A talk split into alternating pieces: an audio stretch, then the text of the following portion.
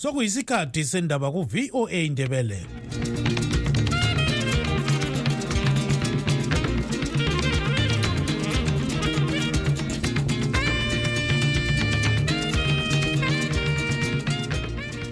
olamukela emsakazweni westudio 7 ngolwesihlanu mhla ka-2 nhlolanja 2024 ngutabo kancube.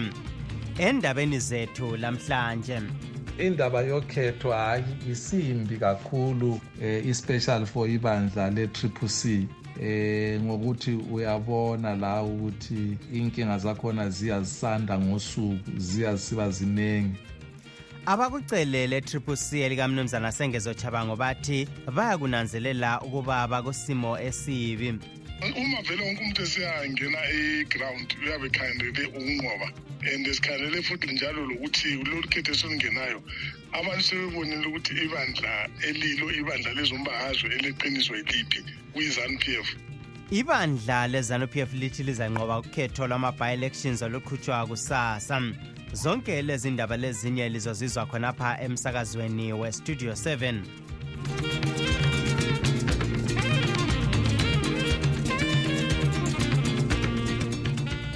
ibandla lezanup f lithi lizanqoba kukhetho lwama-bi-elections oluqhutshwa kusasa.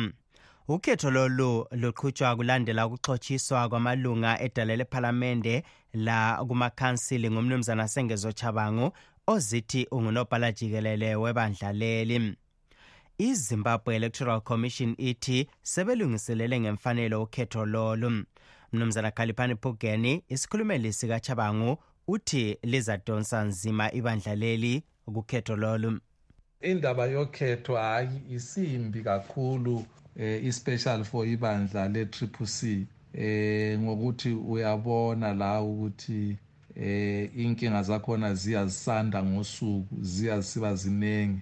Eh ama-candidates abebhekele ukuthi agijime eh i'm sure uma ungababuza bangafisa ukuthi hhayi ngabe baphiwe ithuba kwadlula lokho kwase kuyaqala-ke konke lokho exukaxukisana ngendlela abayenza ngakhona. Omunye uvuke sengu-s g dukuduku sechile futhi eh umongameli sechile ubani bani sengu-vice president?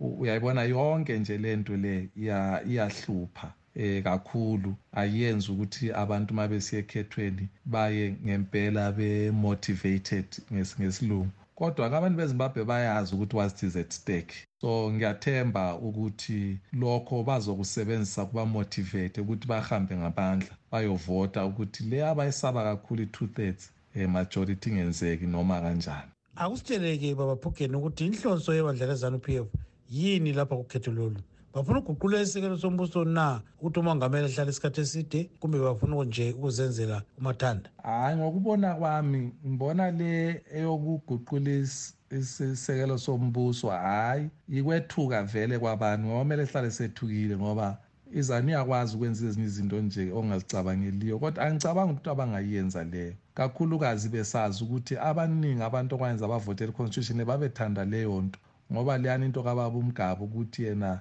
sokunguye nguye. Eh unkosikazi wakwazi wathi ngitsho noma ku-wheelchair uzolibusa kuphela ngitsho noma efile. Manje angicabanga ukuthi abantu bayakuthanda lokho. So la izanu iyakwazi lokho. Iyakwazi ukuthi even kusenzeka lokhuyana oka-2017 amasotsha esengena emgwaqweni labantu bonke bengena emgwaqweni babemkhupha bemkhuphela khonokho ukuthi hhayi umuntu angabamba nje amahlandla akhe abe mabili sokurayithi owayebegijima lana ipower ipower imnandi ipower iyathandeka eh labanye laba abafisayo ukuthi labo beke beba ngama-mps eh ma-councellors bakwazi ukuthi labo babe le power lo ngumnumzana khaliphani phugeni isikhulumeli sikamnumzana sengezo chabangu sixoxe njalo ngodaba lolu lomnumzana malakhi nkomo owebandla lezanu-p f.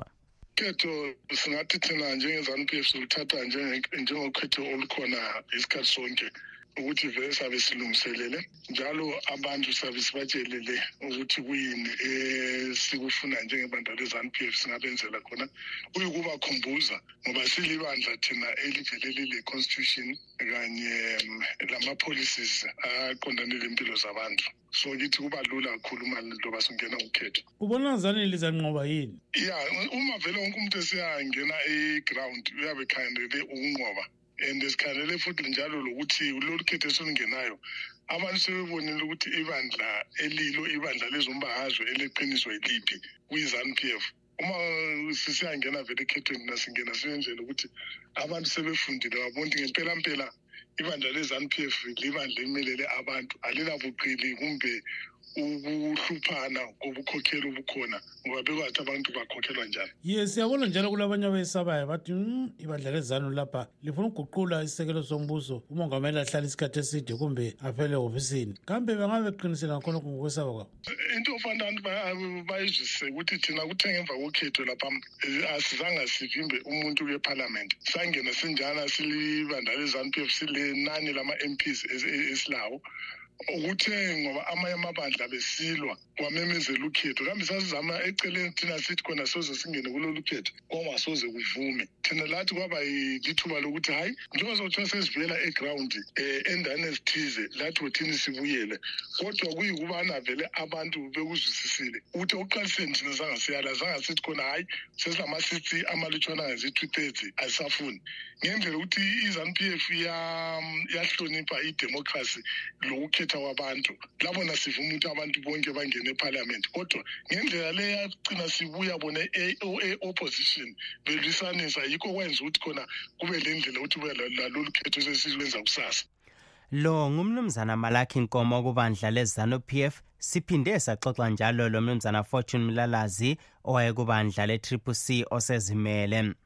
Well sokuyinhlala yenza ukuthi sihlala silokhetho eh nxa kusemadorobheni izanu p f iyadliwa emakhaya iyawina opposition iyawina edolobheni idliwe emakhaya. Kodwa-ke kungathi kulama-changes athile ngoba i-main opposition ayikho kulolu khetho. So ang- njengama-trends esiwabonileyo sikhangela ubana sizabona either i-low turnout or ama-spoiled ballots esiba maningi. Uh, un- unfortunately ama-leaders e-opposition eh, azange aqoqeke kahle. Um kusiya ngesingami kuma-by-elections lawa nxa abe-triple c bengekho ngokubona kwami sengibone ngani izanu ingadobhadobha ama-seats athile um ku-council laku-parliament ngenxa ye-low voter turnout bona balama-supporters abo athembekileyo engicabanga ukuthi bazaphuma in their numbers. Eh bona bezanu bayevotela ama-candidates wabo ibe seyidobha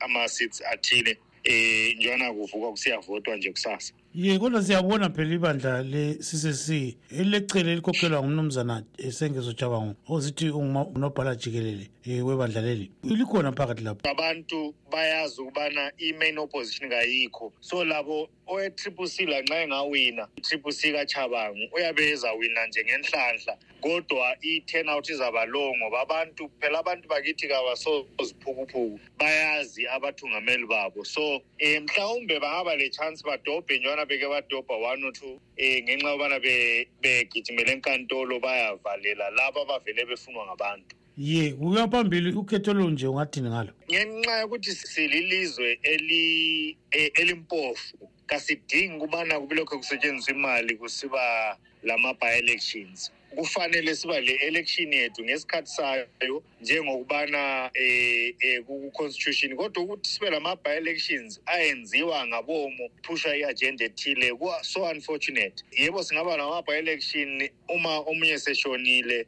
um kumbe sokwenzakale eh, enye into engasiyo le engamadlwana. Lo ngumnumzana fortune mlalazi owayedlelana lebandla le-triple c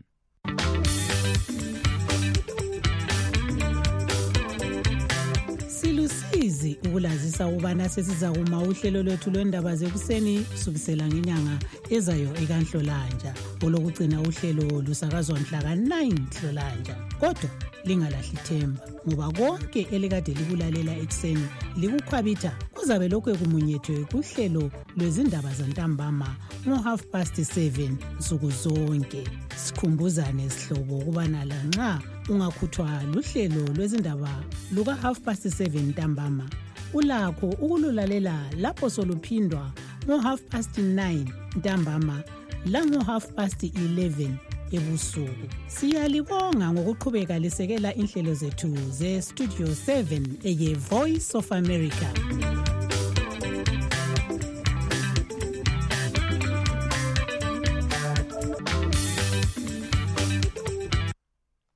Ingcitshi emsebenzini wezokulima zikhuthaza abalimi ukuthi balime izilimo ezitshiyeneyo njengalokho okwakusenziwa endulo ukuze kuqedwe udubo lwendlala oludalwa yikuguquka komumo womkhathi osekuphazamisa isikhathi sokulima. Eyinye ingcitshi yezokulima esebenza lenhlanganiso ye-center on climate change and planetary health ekolitshini le-london school of hygiene and tropical medicine usikhwicamfundo dafadzwa mabhawudi uthi ukuchwayisisa abakwenzayo kuveza ukuthi udubo lwendlala lulakho ukuqedwa yikulima izilimo ezingadingi izulu eliningi ezifana lenyawuthi lamabele. We need to sustainably intensify the use of that land through diversification kulendingeko yokusebenzisa ngokugcweleyo umhlabathi ngokulima izilimo ezitshiyeneyo ngasikhathi sinye kumbe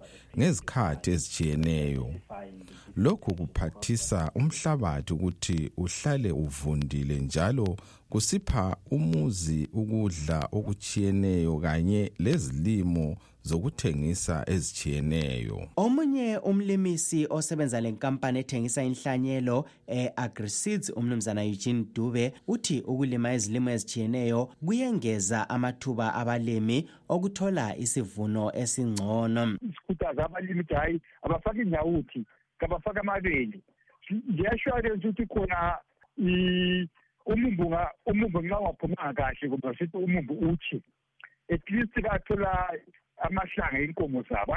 But amabele lenyawuthi ukuvuna bazavuna ngikhuthaza njalo ukuthi kabafake izluku abafake futhi lamazambane lezo zinto lezo hhayi zizabaphilisa kusasa. Umqondisi wohlangothi lukahulumende olubona ngezokulima olwe-agritex esabelweni semathebeleleni north umnumzana dumisani nyoni uthi ukulima izilimo ezitshiyeneyo kuyaphathisa njalo umhlabathi ukuthi uhlale uvundile. Ukufaka isilimo se-sunflower isilimo sendumba zesintu isilimo se-sugar beans isilimo sochinda. Yizo ezinye izilimo konke labonjuku izizilimo ezimelana ngcono lokoma. Njalo nxa silima sihlanyela izilimo ezitshiyeneyo um lanxa kungaba lendala uzathola ukuthi mhlawumbe indumba uyabe uyathola um imbhida ufushe um sokudinga ukuthi singafaki amaqanda ethu engcebethini eyodwa. Kodwa sikhangele ukuthi singafaka zibe izilimo zibe ningi um ziyasincedisa ukuthi esinye singavuthwa esinye mhlawumbe sitshisele ilanga omunye umlimi olima ese-umzingwane emathebeleland south unkosikazi thokozile dube uthi lokhu kuqakathekile njalo bona bavele bakhula belima izilimo ezitshiyeneyo bethola isivuno esikhulu hatshi osekusenzakala kulezi nsuku. Ngikhumbula lami ngesikhathi sikhula vele yizizimo sasizime kakhulu zina lezi ndumba amazambane indlubu konke umumbu sisima ndawonye konke lamabili.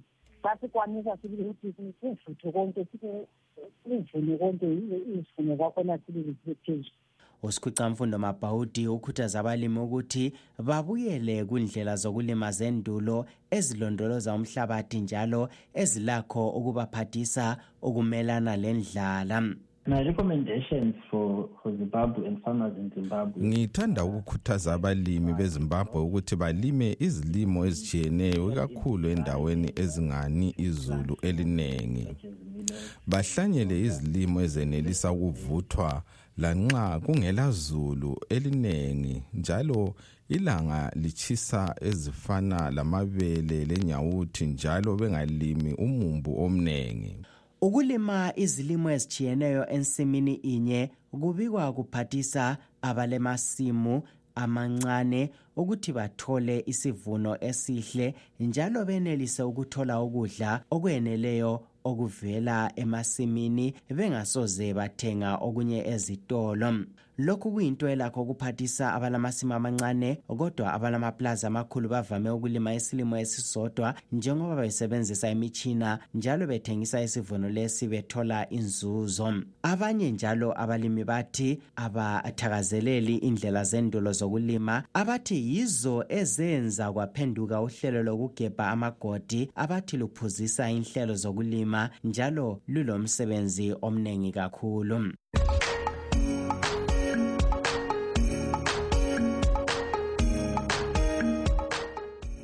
Okwamanje sengidedela emuva ngilichiya ezandleni zenu lina balaleli bethu kumbono yenu elisithumele yona ngewhatsapp. Hawu studio 7 studio 7 hawu sesijikile njalo.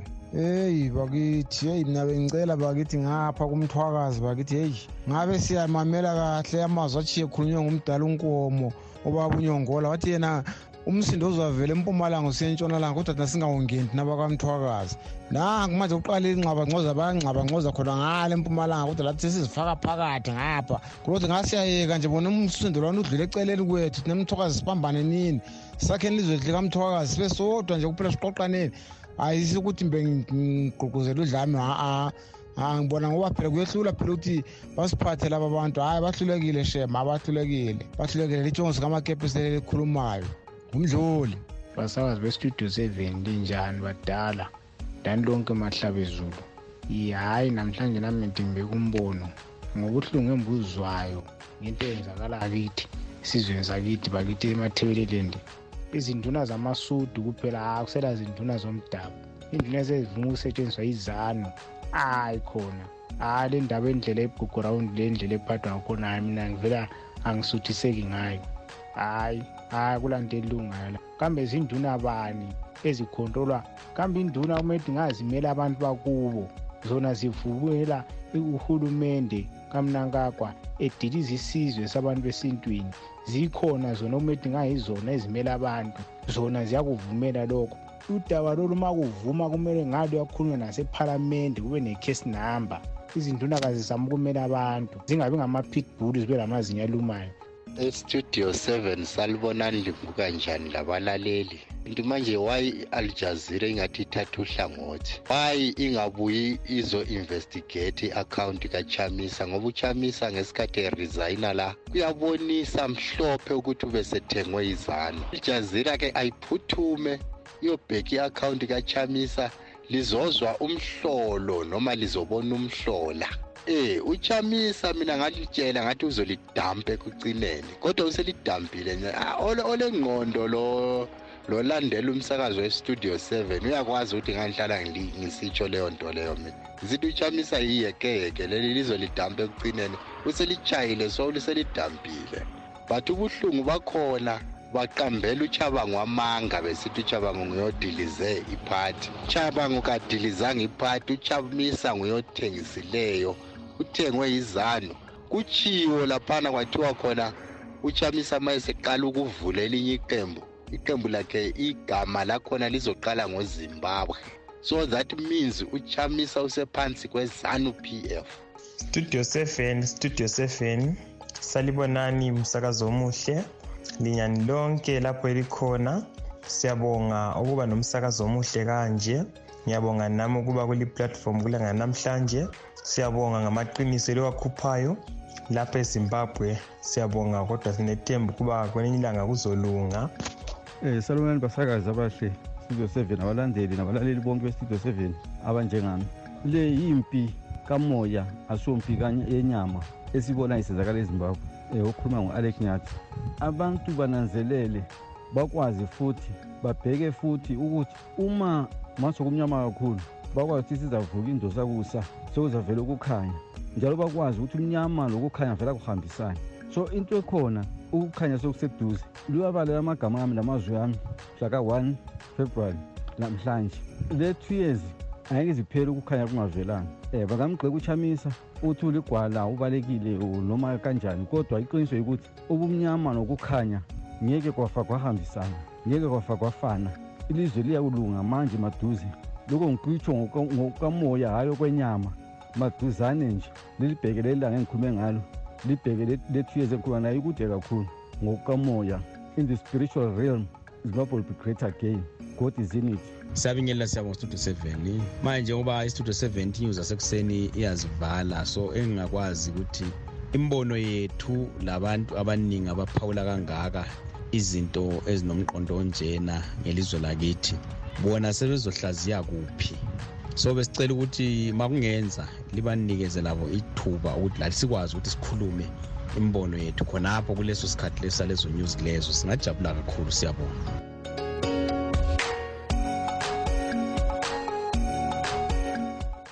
Lawo bekungamazwi enu lina balaleli bethu elisithumele wona ngewhatsapp kunombolo ezithi plus 1 202 465 0318 amazwi alandelayo aveza imibono kahulumende wemelika.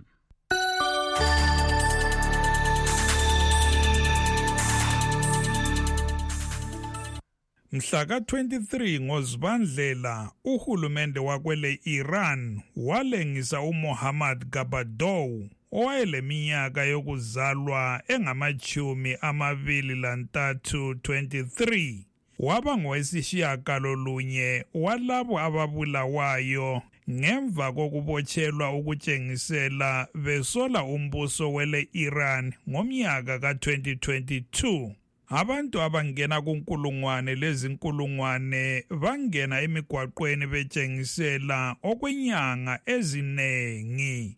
Ngemva kokufela esitokisini samapholisa kukamahsa amin owayeleminyaka engamachumi amabili lambili 22 yena owayebotshelwe ukwehluleka ukuvala ikhanda lakhe kuhle ngelembu lejihabu abantu ababetshengisela ngokuthula bahlangabezwa ngochuku olumangalisayo. Abantu abangamakhulu amahlanu 500 babulawa ngamasotsha ngesikhathi ukutshengisela lokhu kuqhubeka. Izinkulungwane zabotshwa kanti lamanani angaziwayo lawo alokhe evalelwe ejele. Ugobadow ocatshangelwa ukuthi wayebulawa ngumkhuhlane wengqondo wetheswa icala lokubulala ipholisa.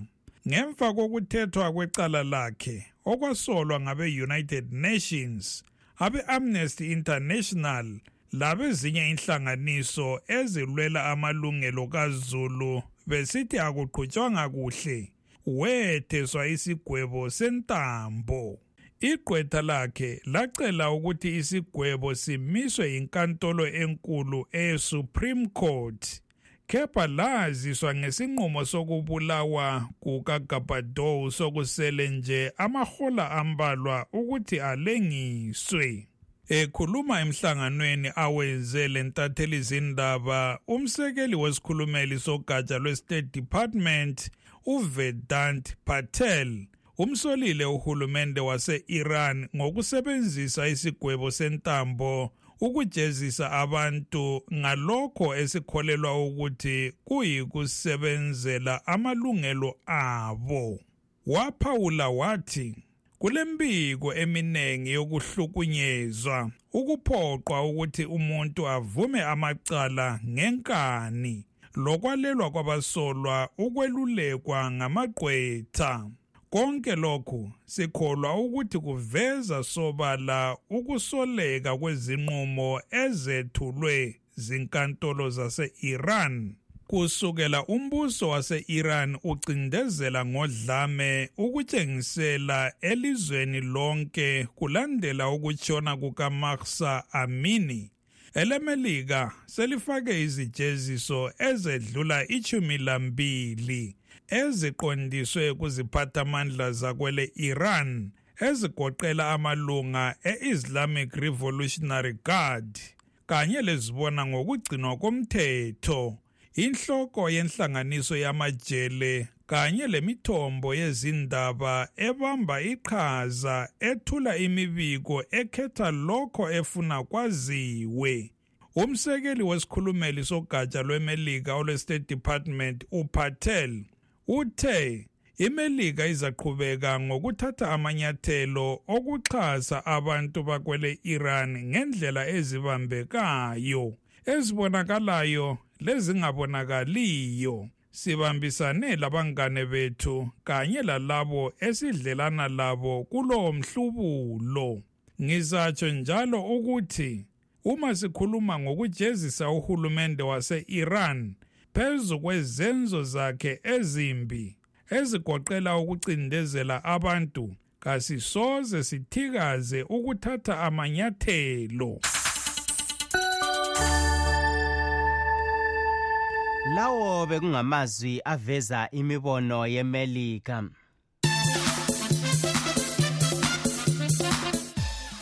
Kwezemidlalo iqhubekela phambili imidlalo ye-africa cup of nations edlalelwa kwele-ivory coast.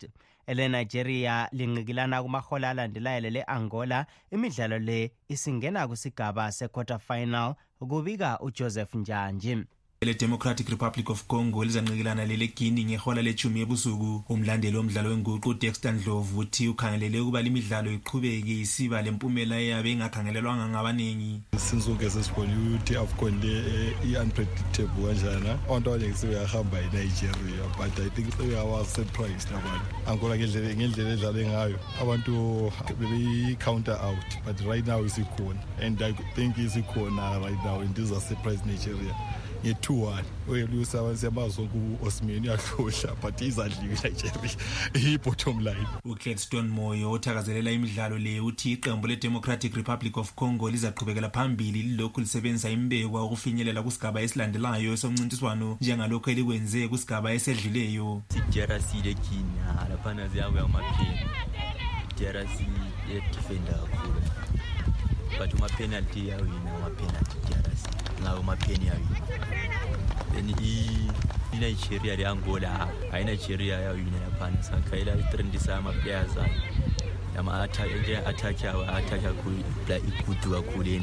intatheli zindaba ezemidlalo upraise lakama laye uvumelana lomoyo ukuba iqembu le-drc lelegini azayehlukaniswa imbekwa i-drc yona ehluleke ukuwina kodwa isifile layo ku-quarter final. Um kuzaba nzima ukuthi le legini ngoba igini emuva iqinile bavala okusho ukuthi kubana-ke mbonakani igame lana izafika kuma-penalty futhi. Njalo i-drc ngakhona ukuthi isiyenelise ukuthi iqualify ngamaphena isingaphindi kuyenze futhi. Wadlala ibhola elizweni le-south africa uprince lungani uthi la kumdlalo wakuqala phakathi kwenigeria le-angola kuza kuba nzima ukuba kutholakale impumela kungakangezelelwa isikhathi. Sokungaba yi-draw match zikuma-extra time and then inigeria singawinoma extra time. Kungakhala amagame enigeria after i-half time baba lomfutho ukudlula i-first half. So i think maybe if izingaya kuma-extra time inigeria can win against angola. Odlalela iqembu le-chickenin elidlala kusigaba se-southern region division 1 soccer league uzibusiso sibanda uthi sokungenzeka loba yini kusigaba se-quarter final njengalokho okwenzakale kwimidlalo edluleyo yomncintiswano. Afcon ndiye ngani igame yama-underdogs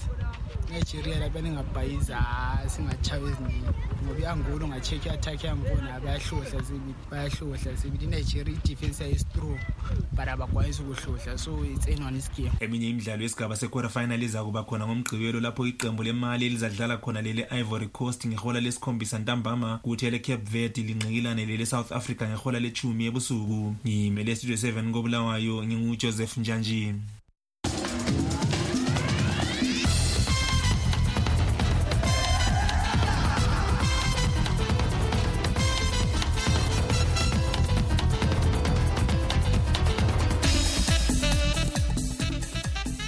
singake hlukana sike sikhangele ebesilazo.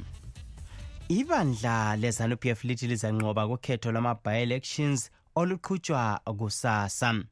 Abakucele le-triple c elikamnumzana sengezo chabangu bona bathi bayakunanzelela ukuba bakusimo esibi eh, ngesikhathi ukhetho lwama-bi-elections oluqhutshwa kusasa lusiza.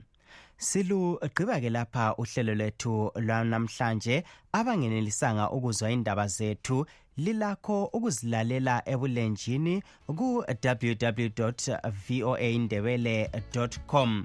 Olivalelisayo ngutabo kancube ngisithi lisale.